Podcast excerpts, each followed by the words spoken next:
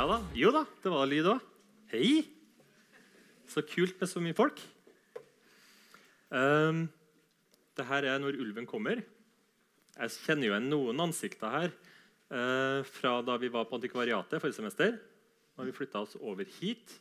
Syns det er kjempestas å bli invitert. Uh, er det mange som aldri har vært og sett oss før? Det var nesten alle. Ja. Det er så pussig det der, fordi at altså, det er veldig få som kommer to ganger. ja. Det, Det kan være noe med den introen din, for du sa hei, og så var det ingen som svarte. Så jeg syns vi skal si hei en gang til med litt sånn feeling. gjør det du, da? Forsøk hvordan du Hei! hei! Neste gang åpner jeg. Greit. Skal det være sånn? Uh, jo. Eh, vi har nå holdt på et semester allerede. Eh, tanken bak det her er, det er en sånn folkehelseopplysningstanke bak. Eh, vi tenker det at vi har jo blitt så flinke til å snakke om følelser, og vi lærer barna våre å snakke om følelser. og sånne ting. Kanskje til motsetning for noen generasjoner siden. Men jeg syns fortsatt ikke vi er noe spesielt flinke til å vite hva vi gjør med de følelsene. Så da var tanken vår at ja, men kan, altså Det hjelper jo ikke at vi sitter på et kontor og, og har gode tips og triks når det ikke gagner noen da, andre enn de som da kommer innom. Kan ikke vi bare fortelle til mange i en sånn setting som det her? var tanken. Så da har vi hatt show. Vi har snakka om angst, vi har snakket om depresjon. Eh, seksuelle vansker har vi snakka om. Det var morsomt. Det var veldig artig. Og det som var så artig med det, var jo det at vi driver og spør og liksom vi prøver å få til en dialog med publikum. Og det har aldri vært så mye dialog da, som det var under seksuelle vansker. Folk delte i søkk og kav. Ja, det vil jeg si. Ja. Uh, så der lærte jeg noe mye nytt. Tusen takk. Oh. Eh, ja, så det handler litt om at du skal si hei Ja. Oh, det, det er noe annet, det her. for å si sånn. Det er annet. Nei. Um, ja, så det, det her med å gi noen verktøy tenker vi er um, et mål i seg sjøl. Og så er det jo, det er jo litt artig òg. Det, det skal jo være Jeg tenker det kan passe inn i en sånn form som det her òg. Og så er det med det med uh, I dag så er vi mye mer opptatt av diagnoser og antistigma. Altså at man kan snakke om psykiske lidelser enn før. Men det blir veldig, veldig sånn medisinsk og klinisk liksom om depresjon, om angst og, og, og den type ting. Mens det som vi som er psykologer For det har jeg sagt, men begge oss er jo psykologer. Uh, jeg er jo en ordentlig psykolog, og du er en liksom-psykolog. riktignok. Uh, men det kan vi komme tilbake til. Eh, m- men det er veldig mye likt med diagnoser. Så, øh, og veldig Mange tror jo at du bare du forstår hvorfor du blir syk, så blir du frisk. Blant annet. mange tror jo at hvis du bare har innsikt i et problem, så slutter du å gjøre dumme ting. Så, og det er heller ikke sånn. hvis det er noen som lurer på det. Uh, slik at vi ser jo det at det, Uansett hvilket tema vi tar opp, så er det noe med å normalisere ting. Og så ser jeg at det er veldig mye felles. Uh, og at selv om man ikke vet hvorfor man har et problem, så kan man likevel løse et problem. Eh, slik at vi er ganske praktisk, vil jeg si. Yes. Så sånn er det. Eh, når eh, så jeg at jeg er en liksom-psykolog, jeg er psykologspesialist i klinisk samfunnspsykologi. Eh, det er, så jeg bryr meg om alle dere. mens, mens Svein eh, jobber på Brøset Ja. og bryr seg om eh, De som ingen andre bryr seg om. Ja, det kan du si. Um, så sånn er det. Um, ja. Så jeg, Hans Andreas Kunsten heter jeg jobber i, på omsorgsenheten. Det er en del av barnefamilietjenesten. Så vi følger opp uh, fosterbarna uh, fra Trondheim og uh, enslige mindreårige flyktninger. Det er vår på en måte hovedgruppe. da. Og jeg var innom jobben din i går, var ikke det? Jo. Ja. Og jeg gikk rundt der, og det var så god atmosfære. Ja, da. Det var fullt av med folk med andre farger enn hva jeg har. Og alle smilte og, var glade. Mhm. Det var med å bare si Det var stas å være der. Det var et tiltak, eh, tiltak for enslige mindreårige flyktninger. Ja. Så, så var det noen jobbkurs til. Ja, det, det er veldig, veldig artig. Få mer av disse folka her til landet, sier jeg. Ja, Ja. Fine folk. Mm. Det er et annet program. Ja. Eller en annen, episode fra oss. Eh, greit, men i dag så skal vi snakke om mordere, seriedrapsmenn og skolemassakrer. Ja, hyggelig tema. Det var ikke jeg som valgte det, da. Ja, jeg tenker du er på en måte spesialisten på det, nettopp fordi at du jobber på Brøset. Um, det er jo, vi blir veldig fascinert av dem. Det er jo TV-show, og vi sitter og ser på Krimmen hver påske. og Har du noen tanker om det? Hvorfor er vi så fascinert? Nei, altså ikke, Det er ikke noen god studie på det, men jeg tror i hvert fall jeg tror at det er veldig mange folk har lyst til å drepe folk. Og du tror det? Å ja. Da tar, vi, da tar vi en runde på det. Eh, Kan ta en rekke opp hånda, alle sammen? rekk opp hånda. Jo, jeg hadde egentlig så hadde jeg, hadde jeg tenkt å spørre, spørre liksom, ja, hvem er det som har vært der før, og er det noe, noen drapsmenn her, kanskje? Så- men så tenkte jeg nei, tenk hvis det er det. Og da, det blir så kleint. Spesielt for de som sitter rett rundt. Ja. Fordelen da med, med folk som har drept, da, i hvert fall i Norge, man gjør det sjelden to ganger. Å ja. Så hvis det er noen her som har drept, så er de, vil de sannsynligvis ikke drepe igjen. For da, da har de lært, tenker du. Ja, det vet jeg ikke. Eh, Men de dreper jo ofte folk de ikke liker. F.eks. Kona. Så hun er jo død, da. Så det er ikke, vits å- det er ikke flere å drepe. på en måte. Nei. Uh, Men i hvert fall uh, Noen er usikre på om man skal le her nå. Ja, det er lov å le. Uh, men, men folk dreper jo. Eh, men heldigvis så Det er jo ca. 600 selvmord eh, i året. Men sånn ca. 30 drap. da. Okay. Så sannsynligheten for å oppleve selvmord er jo mye større enn å mm, bli drept eller kjenne noen som blir drept. Ja, så å drepe seg sjøl er større risiko enn å drepe andre. Helt klart. Ja. Og den farligste plassen du kan være, er jo ikke på Trondheim torg, men hjemme. Så hvis du er hjemme og har en person som har brukt vold mot deg, eh, så er det den farligste plassen du kan være, er å møte f.eks. eksen din når han har drukket for mye, hjemme hos deg. Så det er en mye farligere plass. Men den største faren for at du skal bli drept, er at du dreper deg sjøl, sånn statistisk sett. Um, ja, for det, det er jo en fascinasjon. Det, altså, du ser jo her. Det, det er jo noe folk har lyst til å høre om. Um, er det noen tanker? Er det noen som, eh, er, noen som er veldig fascinert? De tør ikke ennå, vet du. Vi kommer i prat etter hvert. Jeg kom egentlig bare for å se deg, vet du, uansett tema. Ja, det er sånn her. Uh, neste spørsmål. Jeg går videre. Jeg bare, bare hjelper deg å følge opp denne biten der. For kanskje vi skal spisse spørsmålet litt. Grann. Um, for eksempel, hvis vi får dem til å rekke opp hånda, da, kanskje spørre hvor mange av dere er det som har fulgt en sånn serie på Netflix eller en eller annen HBO eller et eller annet om drapsmenn. Kan vi se hvor mange av dem som har gjort det også, For det kan jo si litt om er folk fascinert, eller Ok. Bra. Hvor mange er det som, hvor mange er det som følger noen av de her seriene? Profiling-seriene? Se her, ja. Er du. Og så kan du velge ut én av dem, Okay. og så, så, så sånn si det- at det, er, Hvorfor gjør du det? Eller gjør sånn psykologspørsmål. Si mer om det.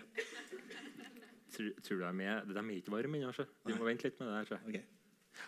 Vi, det er mange som er veldig fascinert. Jeg er fascinert sjøl òg. Ja. Kan vi ta det da? Hvorfor er jeg fascinert? Ja, hvorfor er du fascinert? Det er jeg tenker Det er jo noe veldig sånn forbudt. Mm. Altså Drap det, det er noen regler i alle sivilisasjoner og, og gjennom alle tider og sånn, i forhold til det her med drap. Mm. Uh, så det er på en måte det her eh, Det og typ sånn kannibalisme og, og noe av det her seksuelle greier og sånn. Det er noen regler i forhold til det, og det er en av de store tabuene. da. Kanskje det er det vi dras mot. Mm. Det forbudte. Det forbudte. Mm. Og det er jo på en måte, altså Vi lærer jo det helt fra vi er små. At liksom det, det er noe av det verste du kan gjøre. Men husker du, husker du tilbake til skolen eh, da du lærte om eh, sånn norrøn, eh, om vikingtida og sånn? Mm. Uh, for vi sier jo mord og drap.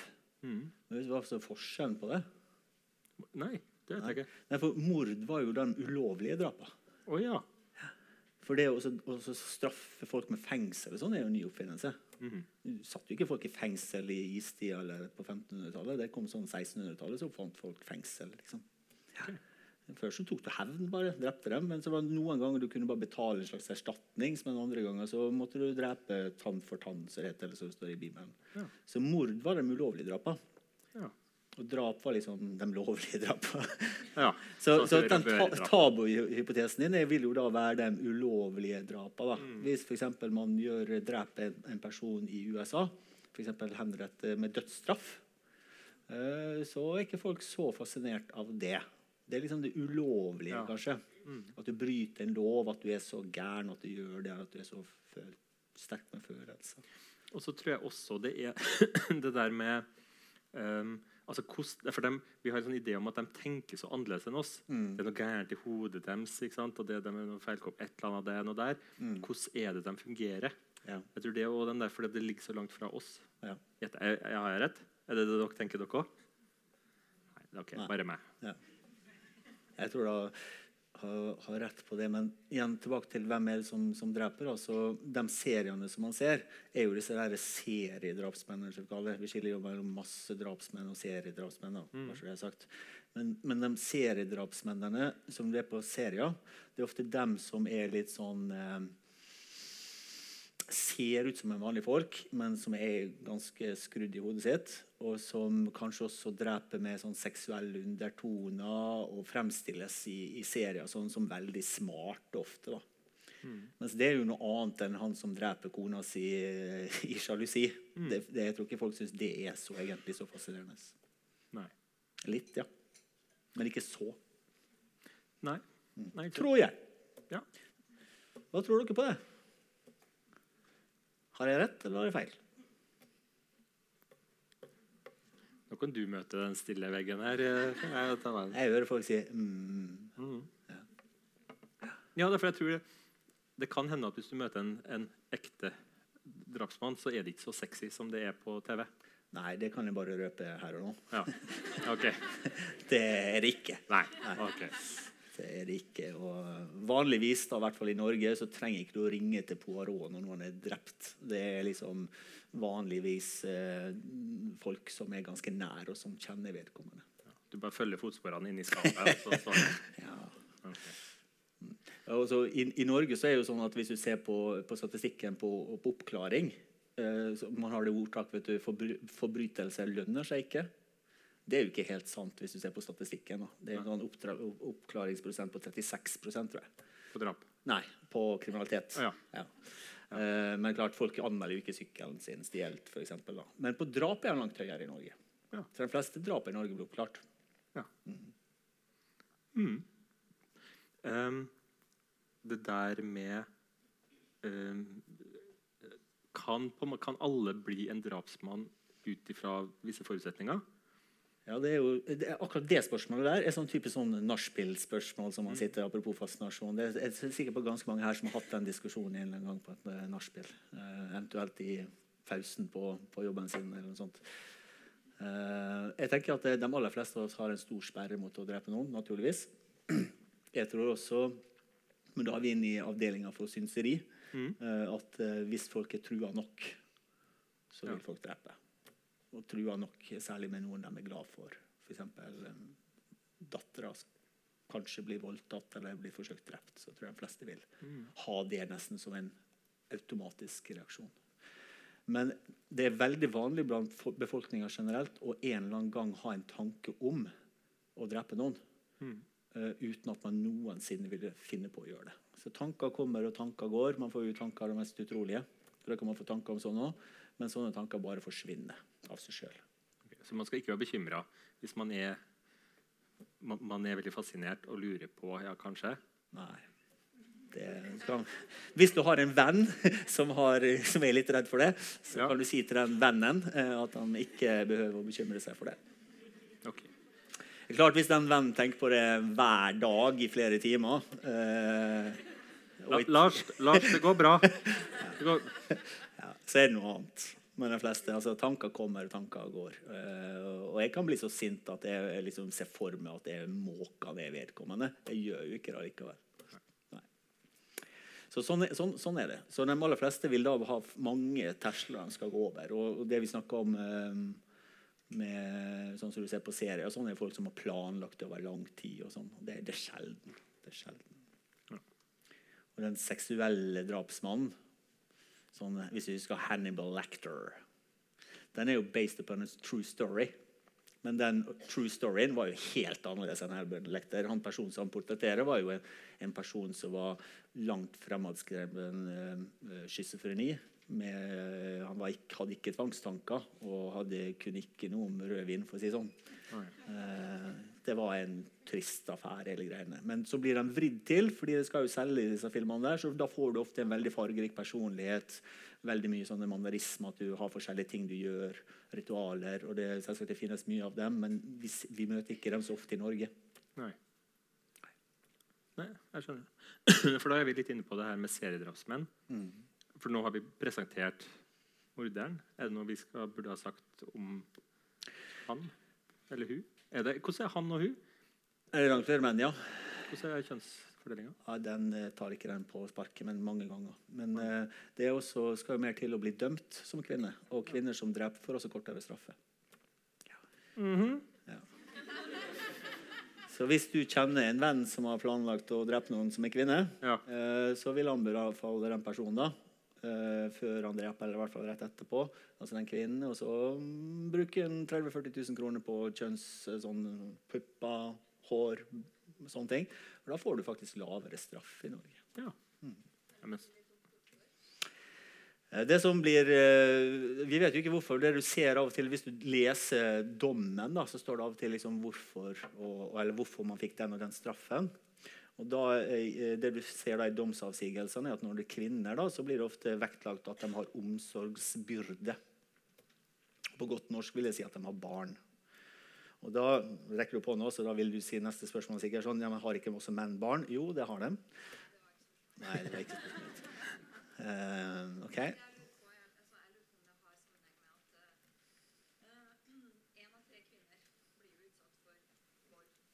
Mm. Kan vi bare, før, du går videre Dette er spørsmålet jeg tror blir veldig bra. Kan, kan, vil- eh, går det greit for deg at du snakker i mikrofon? Jeg er litt bekymra for dem helt bakerst. Hører alle sammen med? Ja. Ja, håper jeg. Um, nei, skal vi se. Um, Jo. I og med at det er en, langt flere kvinner som blir utsatt for uh, vold, Mm. uh, annet i heimen, da, Ja.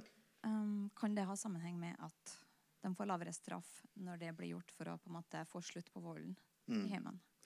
Blant annet. Altså, Mye, mye mulig. Jeg har ikke sett noe ordentlig tall på det, men det kan godt hende at man får redusert straff. kan Man få. Man skal jo likevel bli dømt, ikke sant? Uh, men man skal få, få straff. Og det, det nevnte jeg å si i stad, men jeg sa så vidt inn på det at det, den farligste personen eller størst sannsynlighet for å bli drept, er jo hos en mann som er sjalu, som har brukt vold i parforholdet, og som vedvarer kanskje også med en stalkingperiode etterpå, og så oppsøker det. Det er jo den farlige. Slik at det, som du sier, Når du da vedkommende kanskje blir dømt, da, så er det ganske naturlig, og det synes jeg for så vidt er rimelig da, ut fra en menigmannsperspektiv, at, øh, at øh, retten tar, tar, tar stilling til, eller øh, på en måte tar med i betraktninga. Men igjen, jeg har ikke sett noen sånne gode tall, øh, tall øh, på det. fordi det finnes ikke noen sånn veldig god forskning på det. Det du vet av De kvinner som kommer i fengsel, stort sett har større eh, traumer og større belastning og langvarige kriminalitet enn de mennene som sitter på, på, på det samme. Da.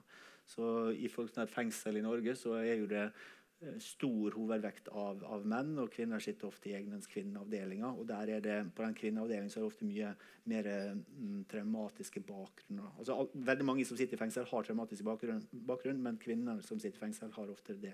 Så det ser ut som det skal mer til for at de blir dømt lenge. Da, på en måte. mm. Mm. andre spørsmål? Helt, to helt bakerst. Vent på mikrofonen.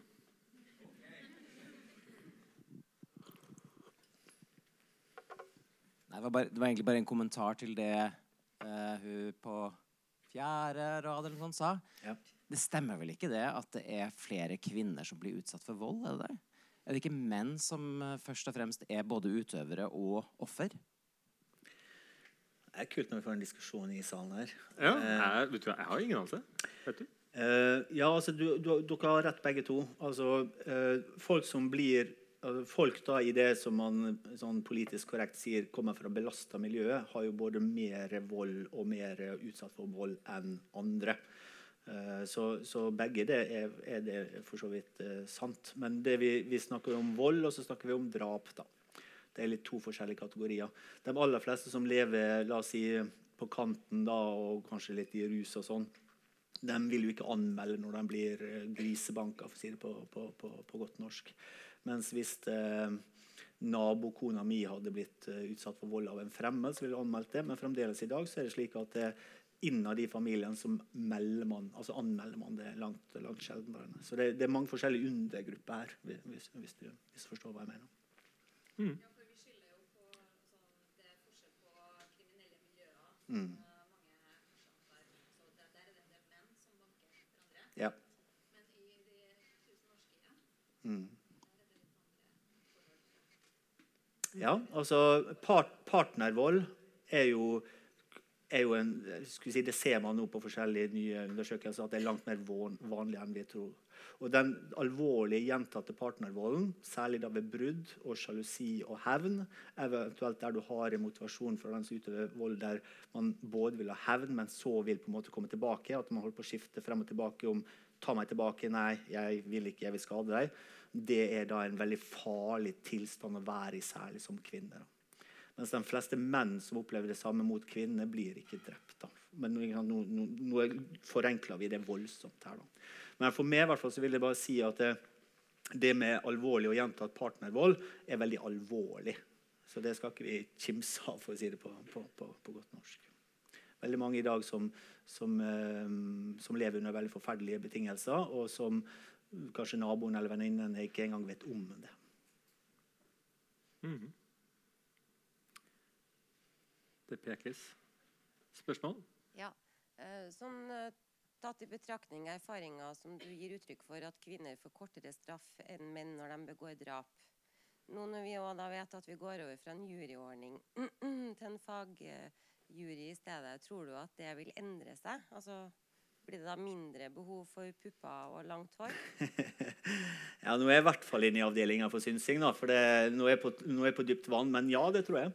Uh, men så, så, finnes det også undersøkelser uh, blant, både av sakkyndige og av dommere som viser at de ikke nødvendigvis har mer eh, spesifikk kunnskap f.eks. om manipulering og når folk sier 'jeg husker ingenting'. altså De har ikke mer nødvendigvis kunnskap til det som vi kaller for falske minner eller troverdighet i vitner. og sånne ting. Så jeg tror ikke vi skal tenke at bare fordi det er en fagjury, så vil de være flinkere menneskekjenner. De er jo i utgangspunkt flinkere til å tolke eh, det de ser, knytta til hvilke lovbud som gjelder. Men min erfaring er at veldig mange av dem som jobber i norsk rett i dag, er veldig, også tillagt seg veldig stor menneskekjenning, mens juryordninga nettopp eh, bl.a. har blitt evaluert som at den blir mer subjektivt. Så jeg vil tro du har rett, men jeg, jeg tør ikke å på en måte garantere det. Nei, eh, og Grunnen til at jeg spør, er fordi at jeg har selv altså jeg jobber jo i bransjen vi snakker om her, men mm. jeg har selv vært jurymedlem i en veldig stor sak her i Trondheim. Mm. Eh, og det var den første og eneste gangen, men vi satt faktisk i tre uker. Ja. Eh, og det var veldig interessant også å være med i en sånn gruppeprosess hvor vi er så mange som alle har møtt hverandre før, har veldig ulik bakgrunn. Og nå var vel jeg for så vidt den eneste som hadde noe som helst eh, kompetanse på narkotika. Mm. Eh, men eh, jeg kan ikke huske at vi egentlig snakka om verken utseende på disse ni tiltalte eller, altså, Det var mye mer sånn opptatt av det som ble presentert da, i retten, særlig fra selvsagt politiet, som gikk på mer sånn faktiske ting. Mm. Um, så ja, Det var derfor jeg var litt nysgjerrig. Det er godt å, godt å høre, men altså, jeg er jo psykolog, da. Og jeg, jeg, noe av det første du lærer som psykolog, er at hovedsakelig måten folk blir påvirka, er, er, jo gjennom, gjennom ikke-bevisste prosesser. Så det er fullt mulig å være påvirka uh, positivt eller negativt av, av, et menneske uten at du sjøl vet om det engang, eller snakker med andre om det. Det er mange studier som, som, som, som viser. Så det kan godt hende Nå var jo ikke, satt jo ikke den uh, juryen din, eller der, men det kan godt hende at du blir påvirka uten at engang du merker det sjøl. Det, det har vi mange, eksempler på både innenfor vitnepsykologi, der folk husker feil, men også der man i stor grad blir påvirka av eh, av ansiktsformen til en person. Eh, finnes mange studier på. Kan bli påvirka av, f.eks. Så det kan være subtile påvirkninger der. Så går jeg tilbake til det samme argumentet med at dommerne også vil nok gjøre det. da, Bli påvirka på samme måte. Men det, det er et eller annet med mengdetrening også som vil være en fordel. Mm. Det kan hende du blir påvirka av utseendet på folk du møter, f.eks. i kveld, uten at du engang reflekterer over det. Det er vel kanskje ikke en bomberesister, da, men, eh, men sånn er det. Flott. Supert med spørsmål. Um, jeg går videre. Og så har vi det her seriedrapsmennene, som da gjør det mer enn én gang. Mm. De fleste gjør det bare én gang. Og hvem er det her, da? Nei, det er jo da var en seriedrapsmann. og Det er jo en som har drept to ganger eller flere, da. Per definisjon. Ok, takk. ja.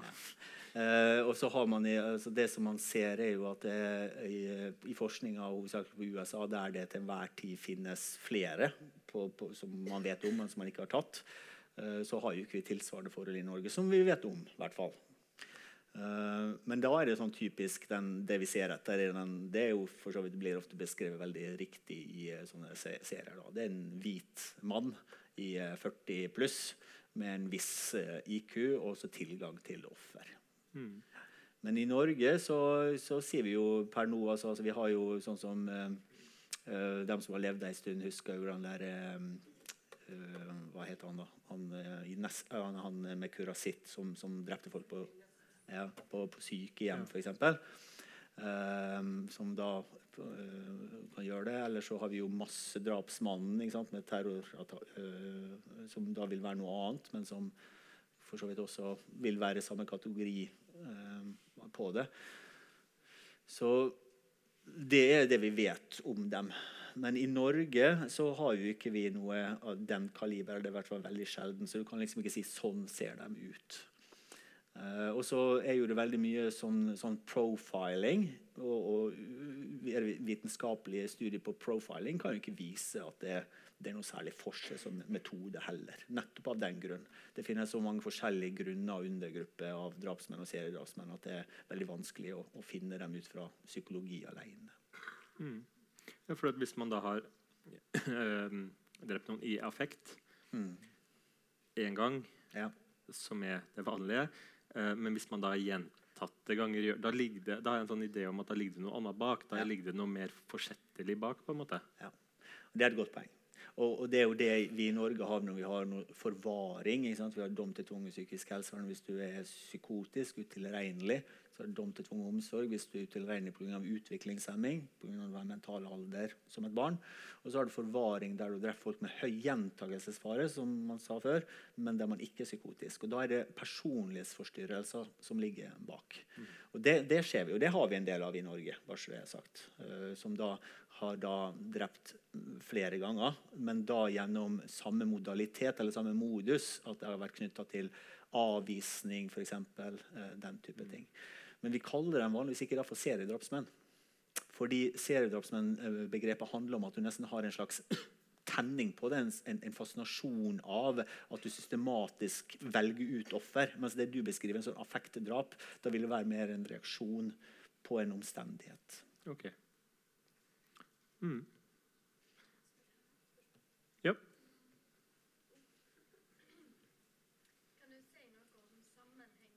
Mellom personlighetsforstyrrelser og seriemordere? Ja, altså, eh, I Verdens helseorganisasjon sin eh, klassifikasjonssystem for eh, psykiske lidelser og atferdsforstyrrelser, som heter i dag ICD-10, så er det vanlige diagnosemanualen, så har vi elleve forskjellige personlighetsforstyrrelser. Og må huske at Før vi går inn og setter en personlighetsforstyrrelse så fordi, som ordet sier, personlighetsforstyrrelse er jo en forstyrrelse i personligheten. Men før vi setter en personlighetsforstyrrelse-diagnose, uansett hvilken type det er, så må vi se om det er en, eh, en eh, si, vanlig psykisk lidelse. F.eks. angst og depresjon. Og Den vanligste vanlige eh, sykdommen som ligner på personlighetsforstyrrelse, er posttraumatisk stresslidelse, som har kommet tidlig, og der man ikke har fått behandling for det, og det har blitt kronisk. Altså en PTSD. Så Min erfaring er at veldig mange for eksempel, som har eh, det som vi kaller for emosjonell ustabil personlighetsforstyrrelse, så en av dem elleve, emosjonell ustabil personlighetsforstyrrelse. Det blir av og til kalt borderline, selv om ikke det er helt riktig. Eh, De faktisk, har en, en traumatisk historie før uten å ha fått hjelp til det. Men de seriedrapsmenn, eller de som er drapsmenn, uansett om det er serie eller ikke, de har veldig ofte det som heter for dyssosial personlighetsforstyrrelse. Gjerne i kombinasjon med en sånn emosjonell ustabil. Slik at det er Den dyssosiale personlighetsforstyrrelsen det at du ikke bryr deg om andre. Eller at du tenker sånn det er fint at folk følger norsk lov, men det gjelder ikke meg. At man ikke har anger, men man kan likevel være sjarmerende og flink til å få kontakt med folk. Det er ofte den, den biten du ser etter. Da. Og de aller fleste som, som dreper på den måten som uh, Hans Andreas snakker om, sånn gjentatt ganger i affekt, eller de som har sånn planlagte ting, har da ekstreme former for dyssosial personlighetsforstyrrelse. Men dem igjen, de fleste med dyssosial personlighetsforstyrrelse tar ikke livet av folk. De plager folk, skader folk, bryter lovene, men de dreper ikke folk. Mm. Nå følger jeg med litt sånn, sånn guru-greie her. Ja. Eh, Det er ikke helt eh, det som er meninga, bare så det er sagt. Eh, det er mange som, eh, som kan mye av det her. og Nå må du hjelpe meg, for jeg jeg vil litt ut av den guru-rollen. Ja, du vil det, ja? Mhm. Ja. Er det noen flere spørsmål til en Svein, da? Se her kommer det.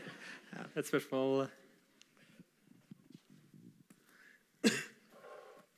Eh, vi snakker om drapsmenn. Eh, hva med de som forsøker å drepe noen? Drapsforsøk. Ja, Svein, nå må du svare. Uh,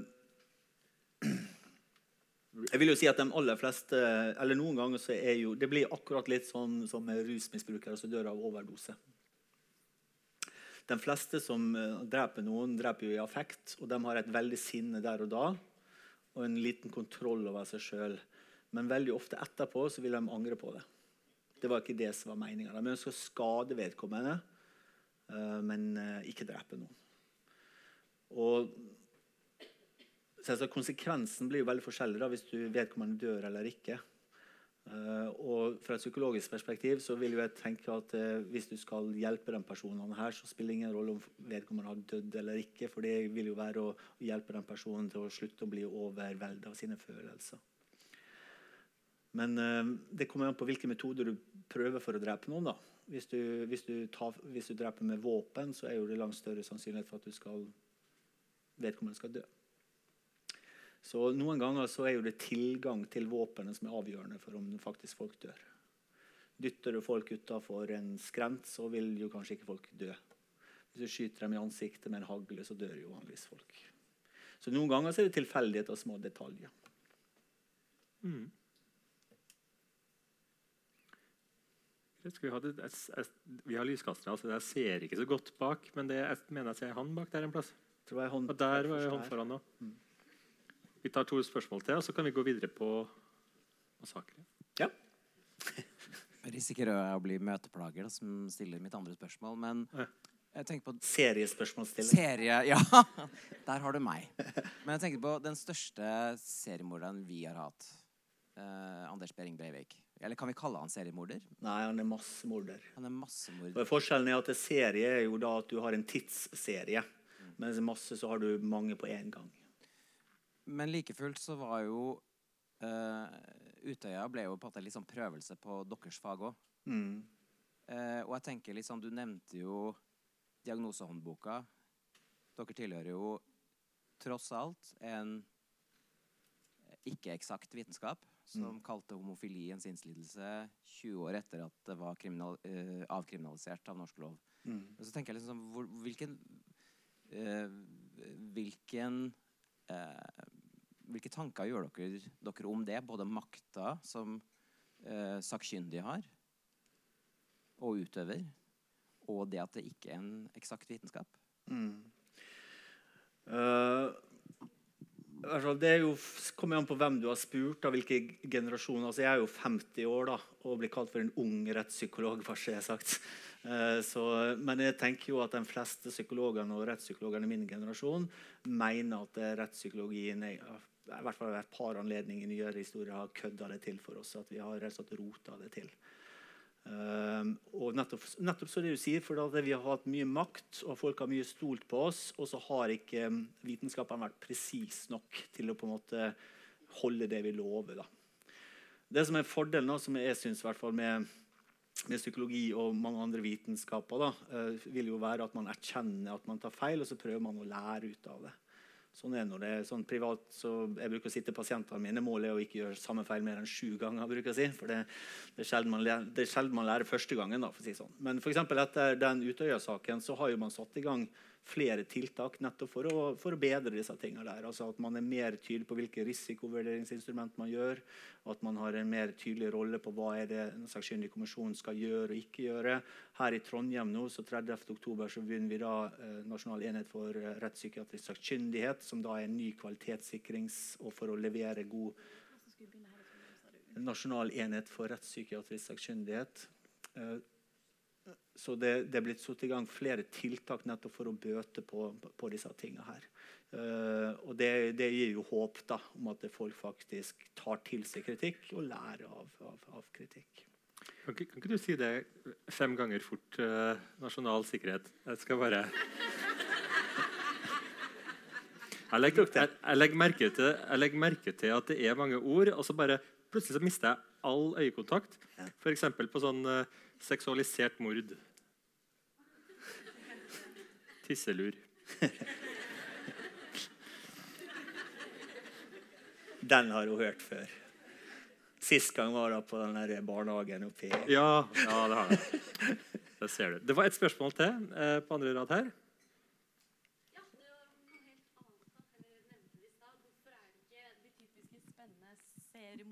Hvorfor finner vi ikke de i Norge?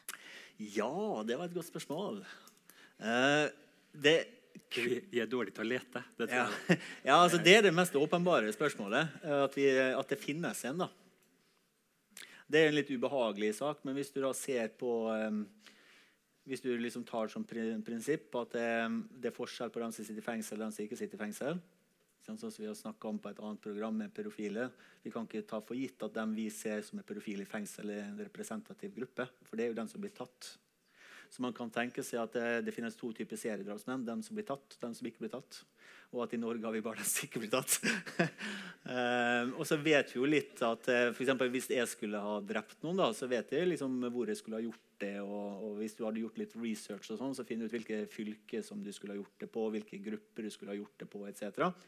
Uh, slik at Hvis du er litt smart, så kan det hende at du kunne ha lage en liten sånn sjekkliste da, uh, på hvordan du skal gjøre det uten å bli tatt. Uh, men ellers så er det sannsynligvis for at Norge er et lite land. og de fleste i Norge altså Folk kjenner hverandre her. Det liksom andre, sånn USA, der man til hver tid sier det er kanskje sju ikke-tatte seriedrapsmenn, så kan man bevege seg veldig fritt fra stat til stat. og Det er ikke nødvendigvis et så godt samarbeid fra stat til stat. så det er mye lettere å ligge unna. Og selvsagt I andre land med mindre struktur uh, tar ikke noen sånne land på, på, på, farten uten å være fordomsfull, men man kunne jo tenke seg i et eller annet afrikansk land uten uh, utbygd politi og med mye korrupsjon. Jeg vet, jeg vet ikke. Så det, det, så det, er nok noe med at Norge er en sånn, litt sånn traust nasjon der alle kjenner alle, eh, som også er en fordel i denne saken. her. Da. Eller som sagt at det er noen som er veldig flink til å ikke bli tatt her. da. Kan jeg spørre, Er det noen seierdrapsmenn her? ja. Det blir sånn, Jeg lovte meg sjøl, jeg skulle ikke si det. Ja. Men det er jo sånn når du da flyr til USA, så er det sånn Er du terrorist, så må du krysse ja. opp et uh, Jo, og jeg har jo vært i USA nå i, i mai. Ja. Det var veldig Har du med har du med anriket uran? Eller hva det var for noe? Ja, nei. Men du, folkens, vi, må, vi har mer vi har lyst til å snakke om. Det var en, Vi må ta han siste. Det var, ok, Da må vi ta, ta de som er Det var en der, og så en bakerst. Og så går vi videre.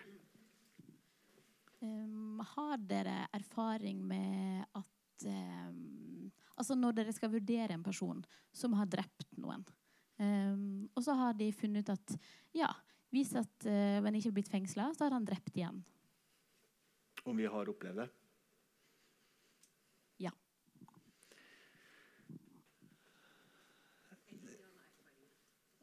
Ja Altså Når man jobber i et sånt system som i, i fengsel eller i rettspsykologien, så må vi som advokatene sier, legge til grunn altså ha som forutsetning at hvis han ikke blir dømt for det, så har han ikke drept. Så det er utgangspunktet. Så, og det, det, går jo begge veier. Så jeg møter jo en del drapsmenn da, som sier det. Jo, jeg er dømt, men jeg gjorde det ikke. Så derfor så synes de, da, da kan ikke du, sier han til meg, da kan ikke du på en måte score meg som lite innsikt.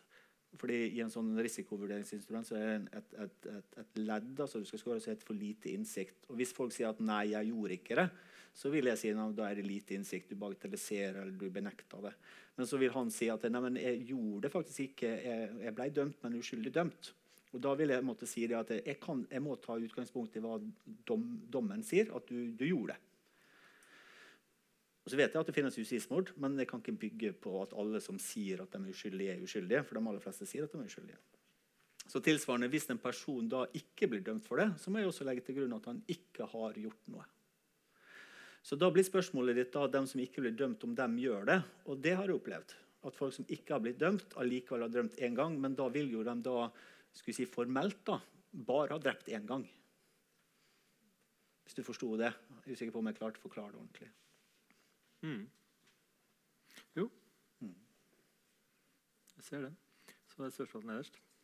Uh, ja, Fare for å tenke at dere to vet så mye mer enn uh, vi andre. Uh, når vi snakker om Norge da, som et sivilisert samfunn, få innbyggere osv. Mm. Hvis vi da sammenligner oss med Sverige og Danmark, da, som ja. for så vidt er større land, men allikevel, i hvert fall i mitt hode, rimelig sivilisert, og så har de flere seriedrapsmenn slash kvinner enn hva Norge har sett i forhold til befolkningstallet? Sverige har, det er jeg ganske sikker på. Jeg tror ikke Danmark. Men det her det er jo befolkninga. Sånn som jeg husker ut fra demografien, så er det vel to, to og en halv gang så mange folk som bor i Sverige. Så om det er dobbelt så mange serierasmenn eller drapsmenn, det er jeg usikker på. Så faren er at desto større landet blir, da, desto flere produserer man? Nei, jeg tror ikke du kan si det så enkelt. For Finland eksempel, som du også kan ta med, har jo flere drapsmenn. Så det har jo noe med kulturen å gjøre også. Uh, og Nederland. Så, så jeg, tror, tror, ikke det er så enkelt. Uh, rett og slett. Uh, kriminologene har jo leita i mange år for å finne en slags sånn statistisk formel på hva, hva er det her, men det, det finnes ingen si, unified theory som kan explain everything på det, denne biten her. Det er en rekke forhold til. Uh, det er litt det samme som med selvmord. Man har jo leita det samme når det gjelder selvmord, men man finner ikke sånn, eh, sånn veldig mange tall. Man kan f.eks. finne da at det, når det er krig, eksempel, så er det færre selvmord. Um, dersom det er mange katolikker, så finner man færre selv, selvmord.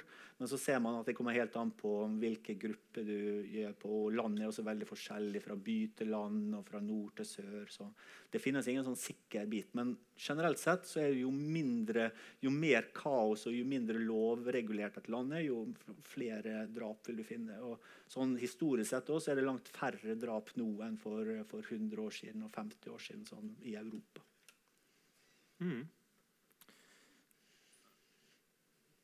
Nå skal vi videre.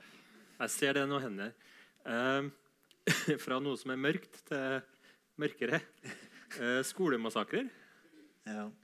Var et, var et noe vi har blitt enige om å snakke om i dag?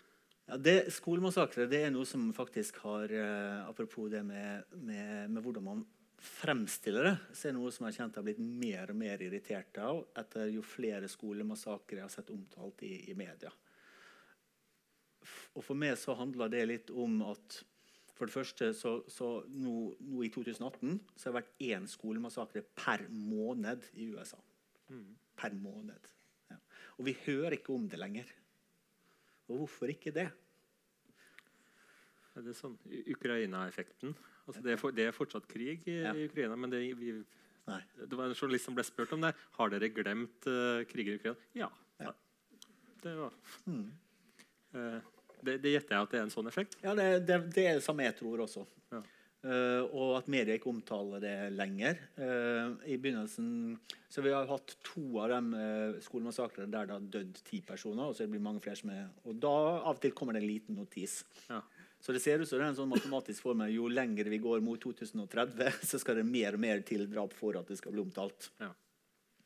Så det er den ene biten. Og så, hva, hva, sier media da om hvorfor er det skolemassakre? Hva sier, hva sier media? Okay, hvis, la oss si at det blir en skolemassakre i, i, kveld. da, Så kommer dere hjem og ser på, på Dagsrevyen eller nyhetene. Og så er det en sko, school shooting da, i Arkansas. Tolv personer drept. Hvorfor det? Hva, hva, sier man da i USA? Er det noe som har? Første Rain. Ja, jeg kan bare prøve å snakke litt høyt. Nei, De snakker jo om at eh, personen som har drept eh, Mm. elevene, har vært mobba Mm. og utstøtt. Og ja, Mm. er rett og slett veldig sint og har lyst til å ta hevn. ikke sånn? Mm. Så det blir jo sånn die. Ja. og så tar han grep, da. Han ja. en får nok, det koker over, og så ja, effekt kanskje at han gjør det litt sånn Mm. ja. Ja, Boriana, altså de, de fleste som står i media da, er at eh, de nevner vanligvis ikke mobbing. Det har kommet nå kanskje to ganger. De sier at han var en loner, at han var besatt av våpen, og at han har vært mye på, på internett. Er den klassiske. Den mobbebiten, det er helt riktig. Du, har, du er spot on, men det er veldig sjelden man tar med seg det. Eh, Det er mer at han er loner, at han er en særing, og så sier de det er noe med våpenlovene. Stort sett. Og så Siden du er så tøff at du snakker, hvor mange våpen har vi i Norge, da? Masse er helt riktig svar. Hvor mange folk er vi i Norge? da? Vi er sånn ca. 5 millioner. da. 1,3 millioner rundt omkring her. I sånn skytevåpen så er jo kniver og alt mulig sånt. Men 1,3 millioner. Og vi har fått 90 000 bare de siste to åra. Nye. Så det med per land, da, per enhet, så er Norge en av de best bevæpna landene. Og det er jo fordi at vi tenker at hvis russerne kommer, så har vi Heimevernet, og det er jakt her og hagle her. Og jeg sjøl har to våpen, bare så det er sagt. da. Eh, Har du to våpen? jeg har to våpen. Jeg har tre da, hvis det er med harpun. Oh, ja, ok. Åh, det her blir et bra nachspiel. Ja. Men ja, jeg så en sånn liste. Altså sånn um, antall våpen per innbygger. Nummer én USA. Ja. Nummer to Jemen. Ja, Nummer tre Finland. ja. Nettopp. Sånn at, uh, så vi har det i Skandinavia. Og ja, ikke sant? Så Vi har våpen i Norge, men vi har jo bedre våpenlov i USA. da, bare så sagt. Men det som forskninga viser, da, da jeg kommet tilbake til hvorfor jeg har blitt sånn tiltagende irritert, for at forskninga også viser en sammenheng mellom akkurat det du sier, mobbing, men også det eh, at eh, unger da, Nå snakker vi om statistikk, da. Så, øh, men, men generelt sett, eh, i skoler der man har opplevd skolemassakre, så har man da eh, et dårligere eh, elevmiljø. At det er flere elever som blir mobba uten at folk sier fra om det, gjør noe om det. Det er flere grupperinger, altså det vi kaller for segregering. Og at elevene opplever lærerne som fraværende. Med andre ord det som jeg vil kalle miljøfaktorer, i motsetning til denne loneren og, og, og de greiene der, eh, som er da individfaktorer. Og så er det den typisk det 'blame it on the internet'. liksom. Eh, og klart, Internett kan være skadelig, det. Det kan også være veldig bra. Og det er der jeg tenker, og det er der jeg har eh, vært litt i media mens du har vært? Du har vært i USA, og så var det Nord-Korea, og nå har du vært i Hongkong. ja, ikke sant? Mens du var i Hongkong, Ja. så var jeg i Arendal og snakka med politikere om det her. da. Det er sånn, det er sånn selvhevding i dag. En sånn tullepsykolog. Mens du ja. ja, Hvordan var det i Arendal? Ja, og da tenker Jeg kan ikke vi, altså jeg vet jo hvis det kommer en skolemasse Hvis det er den der regelen at ti som må dø for at det blir en notis, Mm. men dør det én i Norge, hva skjer da? Full dekning. Full dekning. Hva, hva, hva tror du skjer da? Nå alle nyhetene til å fortelle om det. Og så blir sikkert en eller annen ekspert som blir dratt inn fra, fra Høyre. og, og, og så skal vi sikkert nedsette en sånn politisk gruppe. Og så kommer statsråder inn, og så skal vi ha sikkert sånn eh, alarm på skoledøren og massevis av ting som skjer. Så mitt forslag er at vi bare later som om det skjedde en skolemassakre nå, så gjør vi alt det der på forhånd. For vi vet at det skjer. Det er ikke slik at alt dævelskap stopper med svenskegrensa. Apropos å lære av feilene våre før. ikke sant? Vi har jo sett det at det kommer fæle ting til Norge også. Og så Å, nei! Mm. Er det ondskap i Norge òg, liksom? Ja, vi hadde jo, og vi, det var jo altså sånn Utøya ble nevnt her òg. Altså hva det gjorde med oss som land. Mm. Og så, altså det er mange som sa det at nå, vi mista, mista naiviteten vår osv. Mm. Uh, men vi har kanskje ikke gjort det likevel. Altså Ja. Det er en del naivitet igjen i forhold til akkurat det her. Ja, for det kan jo skje igjen nå. Mm. Og før eller siden så skjer det skolemassakre. Mm. Statistisk sett. De fleste andre land har opplevd det. Apropos vi nevnt Finland her, har tre stykker bare på noen år. Mm. Og klart, eh, Apropos det der nærdrap. altså Det er ganske mange situasjoner som som eh, som kunne ha endt med skolemassakre. Og gudene vet hvor mange gutter jeg har snakka med som har fantasert om å ta fyr på skolen sin. Og så har jeg møtt kanskje fem-seks gutter som faktisk har gjort det. Så Forskjellen på skolemassakre er at det folk etterpå Skolemassakre vil være det som vi i psykologien kaller for drap-selvdrap. At man endte på å tenke at blir jeg skutt, så blir jeg skutt, og så tar man livet sitt etterpå. Så det er litt annerledes enn å sette fyr på skolen sin. Hmm. Men det kommer. Så det, det, det som irriterer meg, da, Hvorfor kan ikke vi ta inn over oss? Og Konsekvensen er at hvis vi har lyst til å forebygge det her, så må vi faktisk gjøre bedre skolemiljø. Bli flinkere til å fange opp uh, ungdom som har det fælt, og som faktisk blir mobba og trakassert, slik at de slipper å føle altså Det blir helt feil å gjøre det, bare så jeg sagt, men slik at veldig mange av opplever da, at den eneste måten jeg kan bli tatt på alvor, eller den eneste måten jeg kan få det bedre, er å ta hevn eller gjøre noe forferdelig. Og Bare komme så langt at du tenker det. Og vi snakker om barn. Det er helt forferdelig. Så det du sier, er at vi burde egentlig jobbe litt mer på samfunnsnivå. Kanskje vi skulle hatt en samfunnspsykolog? Ja. En samfunnspsykolog på plass? Du er helt, du er helt, du er helt riktig. Kanskje skulle vi gjort mer sånn, sånn som jeg fortalte på jobben din, at du sprer gode følelser. Det er ikke alltid du, Vi kan ikke liksom sende alle til kliniske psykologer. Vi må gjøre sånn som du gjør, og heller uh, tenke system her. Hvordan hjelpe lærere til å gjøre ting bedre. den type ting. Mm. Ja, for jeg har jo, jeg har noen tanker om eh, både det her med straff og Jeg jobber jo med barn, så det blir, det blir liksom Vi møtes i hver vår ende, føler jeg ofte. da. mm.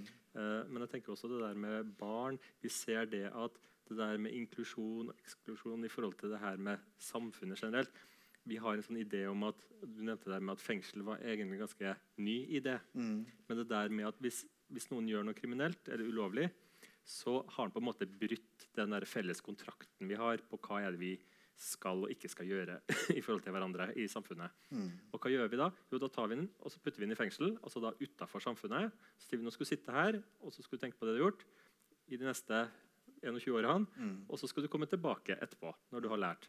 Men hva skjer hvis vi nå tar noen som har brutt en regel i samfunnet, ut av samfunnet, og så forventer vi at han skal lære seg reglene?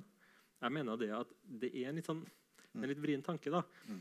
Eh, hvis noen gjør noe som bryter med ja, så må vi lære dem reglene. Mm. Og da er ikke det her, spesielt i forhold til unger, da er ikke det der med å dytte dem ut av det. Altså Gjøre dem til de her sånn ensomme ulver og sånne ting. Det, det blir veldig feil. da. Mm. Eh, fordi at der er det ikke noe det, det er ikke noe forebygging, det er ikke noe helbredelse i det. på en måte da. Mm. Så hvordan kan vi klare å inkludere de som har det vanskelig, de som er sinte? Um, og jeg tenker også i forhold til det her med roller òg, for når man detter inn i de rollene um, Det her med f.eks. Uh, vi har klassens klovn, f.eks. som, uh, som da lager ablegøyer, lager litt uh, bråk i klassen. Kanskje litt sånn uh, Læreren syns den er veldig irriterende. Og så, og så får han en sånn stempel på seg, og så blir han sittende der da, i klassen. Så kanskje det her er en gutt som kanskje har lyst til å være en del av det positive, det produktive. Eh, men hvis alle da sitter og kikker på han, og så ser nå, nå, nå skjer det noe, nå skjer det noe, nå gjør han noe. Mm. Ikke sant? Selvfølgelig, hvis han da altså det er han, rollen hans, han skal, han skal være bråkete, for det er det han skal. Og hvis vi snur det over på mobberne, da, eh, så er det på en måte dem, de fyller ut en rolle som de på en måte blir pålagt. Mm. Og så er straffa det, det er veldig mye som skurrer for meg. det der da. Mm. Og samme apropos det her med eh, pedofile. hva snakk om. Mm. Altså, de gjorde, I Australia, Australia gjorde de en uh, undersøkelse på det i forhold til det med identitet. Hvor de på en måte eh, altså ikke stempla dem som at du er en sexforbryter, men de sa mer at du er en far, du er sønn, du er en kjøpmann eller du er en sjåfør eller hva de er, som også har gjort et overgrep. Mm. Det, det er straffbart, og du skal ha straffa di, men det er ikke på en måte knytta til din identitet. Mm. Eh, og så var det en gruppe som de ikke gjorde det her med. Og så ser de det at tilbakefallsprosenten for de som da knytta det her til identiteten sin, var så utrolig altså Tilbakefallsraten var veldig stor da, i forhold til de da som klarte å ikke knytte det til 'det her er meg'. Mm. Og I USA så ser vi jo det, må de jo gå og ringe på til alle naboene og si det at jeg er en sexforbryter. Jeg bor der. Og jeg bor der. Altså sånn, du, du kommer ikke mer unna det. Og dem, Ja. Der viser jo forskninga at de har en høyere tilbakefallsrate. Ja. Sånn at, så det er ting vi kan gjøre òg, hvis vi hver enkelt er bevisst i klasserommet på universitetet eller på arbeidsplassen eller hvor vi ferdes. Altså, hvordan, skal vi, hvordan skal vi tenke i forhold til de som er annerledes, de som er mobberne, de som er bråkmakerne, de som ser ut som dem? Er de redde, de lei seg osv.? Mm. Men det var et spørsmål. Jeg tenkte bare på at Dere snakka jo om eh, at det er gutter da, som på en måte gjør det her. Mm. Virker som eh, skolemassakrene der. Ja. Så vi lurte på om det var mer sannsynlig at de gjør det, og hvorfor det eventuelt ikke er jenter. Ja, vet du hva, det er sånn rart, for det, det, det, jeg har liksom ikke tenkt på det i det hele tatt. For jeg tenker bare på gutta. Og så når jeg, nå på sparket når jeg bare sitter og tenker mens jeg snakker her nå, så kan jeg ikke komme på et eneste tilfelle med en skolemassakre med en jente, faktisk. Uh, ja, hei, sær. Jeg kan ikke tenke på flere, men uh, det,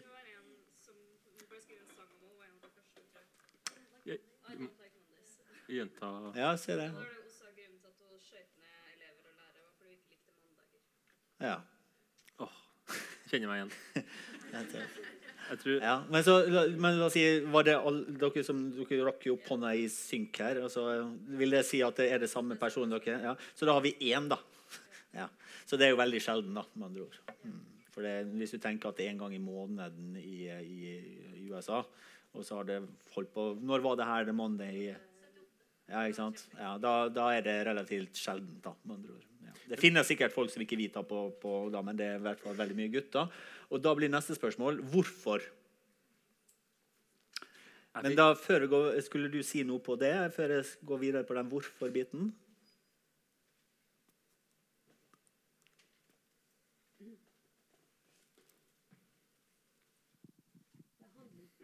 Det var ikke akkurat det. Det var litt mer om media. Ok. Altså Det du sier nå i starten, er at det er 30 eh, mord i året, ikke sant? Var det riktig? I Norge, ja. I Norge, ja. Mm. Og det betyr ca. To, to hver måned. Men det skrives veldig sjelden om sånne ting i avisa. Eh, hvorfor kommer det ikke i media? Det er jo eh, vanligvis av hensyn til eh, offer og til, til, til saken. da, bare så det er sagt. Men når jeg sier 30, så er det sånn ballpoint figure. da. Det kan være Som regel er det lavere enn det. bare så det er sagt. Mm. Hvorfor? Ja, jeg, en sånn parallell tenker jeg fordi at i forhold til Jeg sitter også i noe som heter eh, eh, Ressursteam for bekymringsfull og skadelig seksuell atferd. Mm. Eh, hvor eh, det er mye snakk om, om unge krenkere. Eh, og der, der møter vi også veldig mange gutter. ikke sant? Men det forskninga sier, er det at det er, det er flere gutter som utøver bekymringsfull og skadelig seksuell atferd. Men det er også jenter. Men jentene de er vanskeligere å, å avdekke at det skjer. Mm. Men de vi avdekker, der er det ofte grovere og, og mer alvorlige overgrep som skjer. Ja. Sånn at, så er det det at det er flere jenter enn vi tror, for, men vi ser det ikke? Eller er det Ja, akkurat for skolemassakre så, så, så blir jo mm, blir litt tydelig? blir litt tydelig har eh, det at, at det er gjort. Men ellers så er jeg helt enig med det. Eh, Men når det gjelder hvorfor det er flere gutter som gjør det, så igjen tilbake til den berømte spekulasjonsavdelinga. Jeg, da, i, i hvert fall jeg har jeg, har jo, jeg er jo både barnepsykolog og rettspsykolog, så jeg har på en måte har møtt eh, barn både som pasienter og som voksne. Liksom. voksne har jo vært barn, som du eh, påpekte i stad. Men jeg mener jo da, for å være litt sånn eh, kritisk, da For eksempel, jeg har jobba mange år på helsestasjon for ungdom. Noe av det mest fornuftige jeg har gjort. Men den er veldig feminint tilsnitt. Veldig, veldig få gutter føler seg komfortable med å sitte på en helsestasjon for, for, for ungdom. I hvert fall sånn som jeg har møtt. Det finnes sikkert gode der òg. Enkeltplasser har de egne helsestasjoner for gutter. Asker, f.eks. Jeg tror at eh, generelt sett så er det veldig vanskelig å gjenkjenne følelser. Veldig vanskelig å gjenkjenne særlig vanskelige følelser. Så når du tar sinne, som er en, en egentlig veldig tydelig følelse, men mikser den opp mot følelsen skam, eh, så får du en ganske rar blanding. Eh, og så skal du da eh, snakke om den, beskrive de følelsene her, som krever da både trening altså til å snakke om følelser. Og så må du ha en arena der du er trygg for å snakke om følelser. Altså en, en voksen, da. Og en voksen som er hyggelig og som har peiling på temaet. Og så tror jeg dessverre at det er veldig mange av guttene som kommer fra den situasjonene med sinne og skam, kanskje også traumatisert gjennom mobbing f.eks. De føler seg ikke hjemme i de helsetiltakene som vi har i dag, som veldig ofte er prega av eh, de er laga mer for eh, deprimerte jenter. Så Det er min kritikk til helsevesenet. og det, Apropos i Arendal, det, det der jeg prøver å få, få, få, folk til å tenke litt mer. Hva skal vi gjøre med guttene? For det er guttene det er ikke mer synd på guttene enn en jentene, bare så jeg har sagt. Uh, men, men, guttene trenger noe annet, og forskning viser også at de er mer opptatt av, de er mer utålmodige. De vil ha hjelp nå. De vil ha praktisk hjelp, ikke bare snakke om følelser som du var i stad. Det å snakke om skam det er vanskelig, men det er ikke det de trenger. Hva gjør jeg da?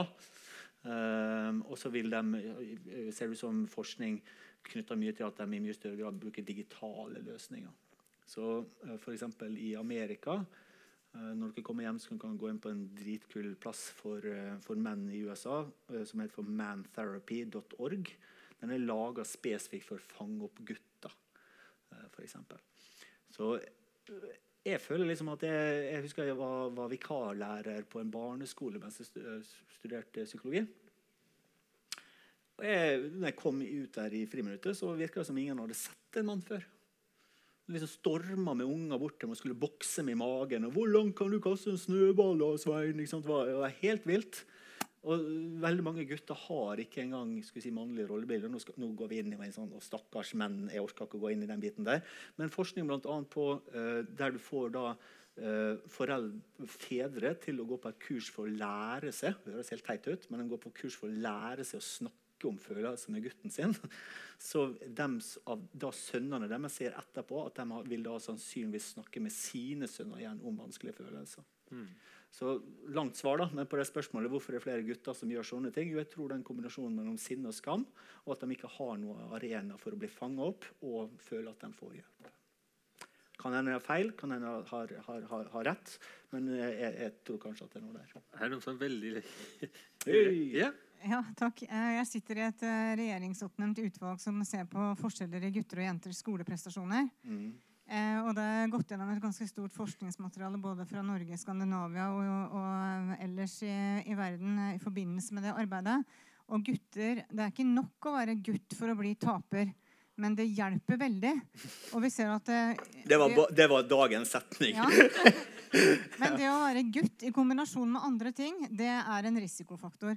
Og vi ser at de som gjør det dårligst på alle eh, kartlegginger, de er gutter. Mm. Så er det også gutter som gjør det kjempebra, og som er på midten. Men hvis du ser på de elevene som gjør det dårligst, så er det stor overvekt av gutter. Og vi ser jo at det begynner allerede i barnehagen. 75 av de som har spesped-vedtak på språk og sosiale ferdigheter, gutter. Gutter blir mye mer diagnostisert enn jenter i første klasse for ADHD. Og sånn fortsetter det oppover. Hvis ikke vi gjør noe, så vil det ikke være mannlige psykologer så dere er på rødlista, ja. eller jurister eller leger eller de yrkesgruppene om noen år. Og en fjerdedel av alle menn får ikke barn. Så, så, her er det virkelig grunn til å rope varsko for gutta. Og hvis det hadde vært jentene som var så ute å kjøre, så tror jeg vi ville gjort det. Men, men, men gutta er liksom uh, the new black. Eh, Hans Andreas? Ja. For, forrige gang vi var på Antikvariatet, så hadde vi en sånn slags sånn kåring, applaus, og vinneren fikk en pils for beste spørsmål. Oh, ja. kommentar. Det der var en bra nominert. Skal vi si sånn applaus for den eh, innspillingen her? Ja. Ja, Ellers må jeg si at når vi sitter, altså, Grunnen til at vi har den formen her, er jo nettopp for at det er så mange kloke folk i salen. Hadde vi bare hatt en podkast eller et uh, TV-show, så ville vi, ville ingen som rukket opp an, du, jeg sitter i et regjeringsoppnevnt utvalg og har noe Det er passer kult da, det sitter ja, det så mange smarte folk her i, i, i salen. Ja.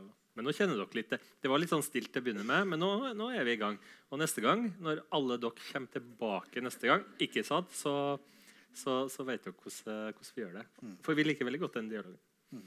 Um, greit. Uh, jeg vil kikke litt på klokka òg. Um, jeg tenker da er vi litt ja, Har du noen konkrete forslag til forebyggingstiltak i skolen? Hvis vi skal uh, gå tilbake til forskninga, så vi alltid begynner å spørre hva sier forskningen. Mm. Når det gjelder gutter, da, så blant annet en, det er en sånn undersøkelse som blir gjort ved jevne mellomrom. for NOVA-undersøkelsen, Ung i Norge-undersøkelsen. Uh, og da blir, blir, ofte ungdommer spurt da, Eh, Hvis du hadde et problem, hvem ville du gå til? Men eh, det var en, eh, en i, som der eh, man gikk en sånn dybde i, i Stavanger blant annet, og spurte ungdommer der. De fleste svarte jo faktisk da de vil ikke gå til noen, noe som er ganske trist. Eh, og så sier jo veldig mange da, ikke overraskende, jeg vil gå til helsesøster. Som jeg har veldig stor respekt for helsesøster. Eh, og heldigvis, og for mange overraskende, mange sier jeg vil gå til mamma og pappa. Eh, og så sier da de guttene jeg vil gå til en lærer. Og så ser det ut som det er litt, sånn, litt uh, usikker forskning der, men helst en mannlig matematikklærer. ja. For en av dem kan, så er det følelser. Ja. Det er sant.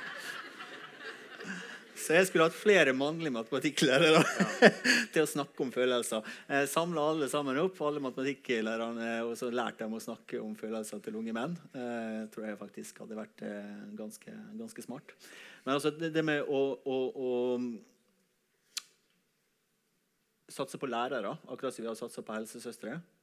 Eh, og det finnes jo forskjellige sånne kurs, den såkalte Monica-kurs, blant annet, har jo blitt laga av Psykop uh, i, ma- i mange år. Men de lærerne som kommer der, man spøker ofte, det er ofte dem som ikke behøver å komme. altså Den som melder seg på kurs i, i psykologi, og for den som melder seg på kurs i, eller ikke på kurs, men på Litteraturhuset, de kan jo tydeligvis mye om temaet allerede. Det er jo dem som ikke er her, som vi burde ha fått tak i. Mm. si sånn. Så, og så holder det, uh, holder det enkelt. Og I tillegg en annen ting som jeg er veldig opptatt av når du skal snakke med folk, er at man er opptatt av det som heter for paraverbalitet. Eh, eller prosodi, blir det kalt. Og Nonverbalitet er hvordan vi sitter og hvordan vi plasserer oss. Men eh, paraverbalitet og prosodi er jo måten vi snakker på, bruker intonasjon. Veldig mange sinte, skamfulle gutter de har en allergi for at vi skal synes synd på dem. Så hvis du begynner med sånn 'stakkars deg, lille gutten'-stemmer, så mister du dem. Mm. De fleste gutter som er sinte og skamfulle, vil heller at du skal være redd dem enn synes synd på dem. Så vi, det der med å signalisere 'stakkars deg, gutten min', det er ikke bra. Og Det er en av de første gangene jeg husker at jeg hadde lyst til å drepe noen. Det var da jeg var liten. Ja. Og det, øh, Jeg har fortalt den historien mange ganger. Jeg tror kanskje til deg også, Men det er jo så mange her som ikke har møtt oss før. Så det var, for jeg, når jeg kom fra en fattig familie, og så skulle alle sammen løpt etter svømminga til å ha fiskekake, varm fiskekake. Og jeg hadde jo ikke penger til noen varm fiskekake.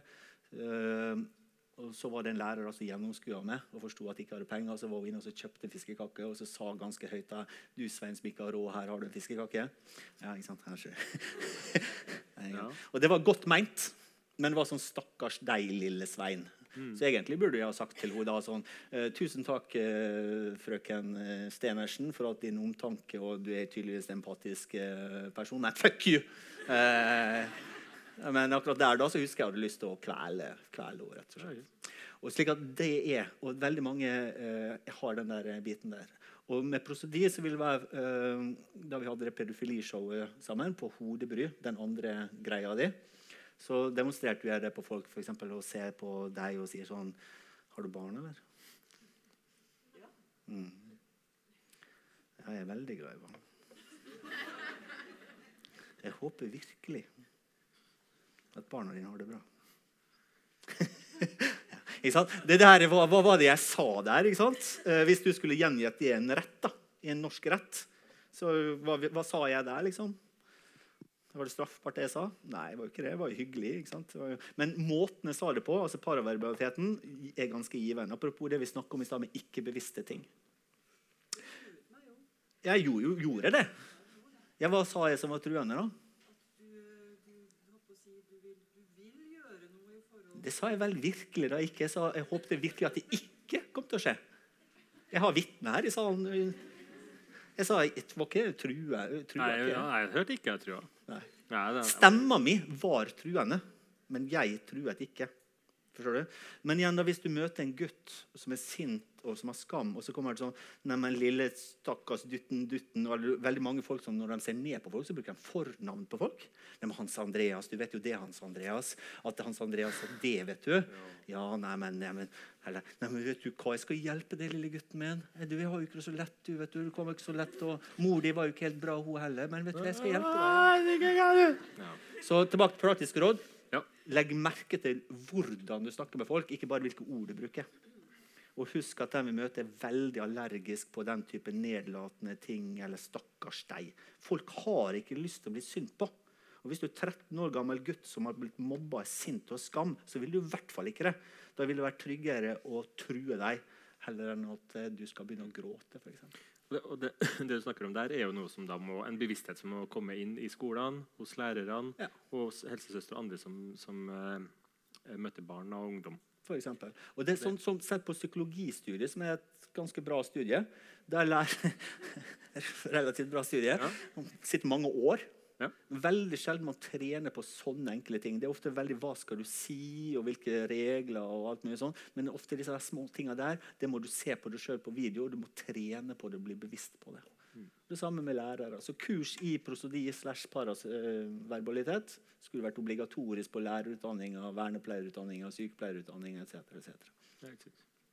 Så hvis det er noen som sitter i et regjeringsoppnevnt uh, utvalg her men, men, men, jeg vet, men, jeg vet, det at uh, det er ting som skjer i kommunen i forhold til det her med mobbing og, og det der med å se på, på um, programmer og gode ja. hvordan følger det opp. Så det, det, er noe som vil komme mm. etter hvert. Og mobbing går faktisk ned av oss. Ja. Mm. Og, og, det her med seksuelle krenkelser og alt det her med, med nettbruk og, og, mobbing og sånne ting. Og drap går for så vidt ned. Og, ja. si litt positivt. Og nå etter i kveld så kommer det til å gå enda mer ned. Ja. Jeg ser det er noen spørsmål. Vi eh, har gått om for tid. Eh, det jeg tenkte jeg skulle si, er det at eh, dere har fått på alle setene så lå det et ark og en penn. Det vi lurte på, var jo at nå kjører vi her på Litteraturhuset. Kunne dere bare etterpå, i full fart, skrevet ned og kryssa av ut ifra hva dere tenker å følge på det arket.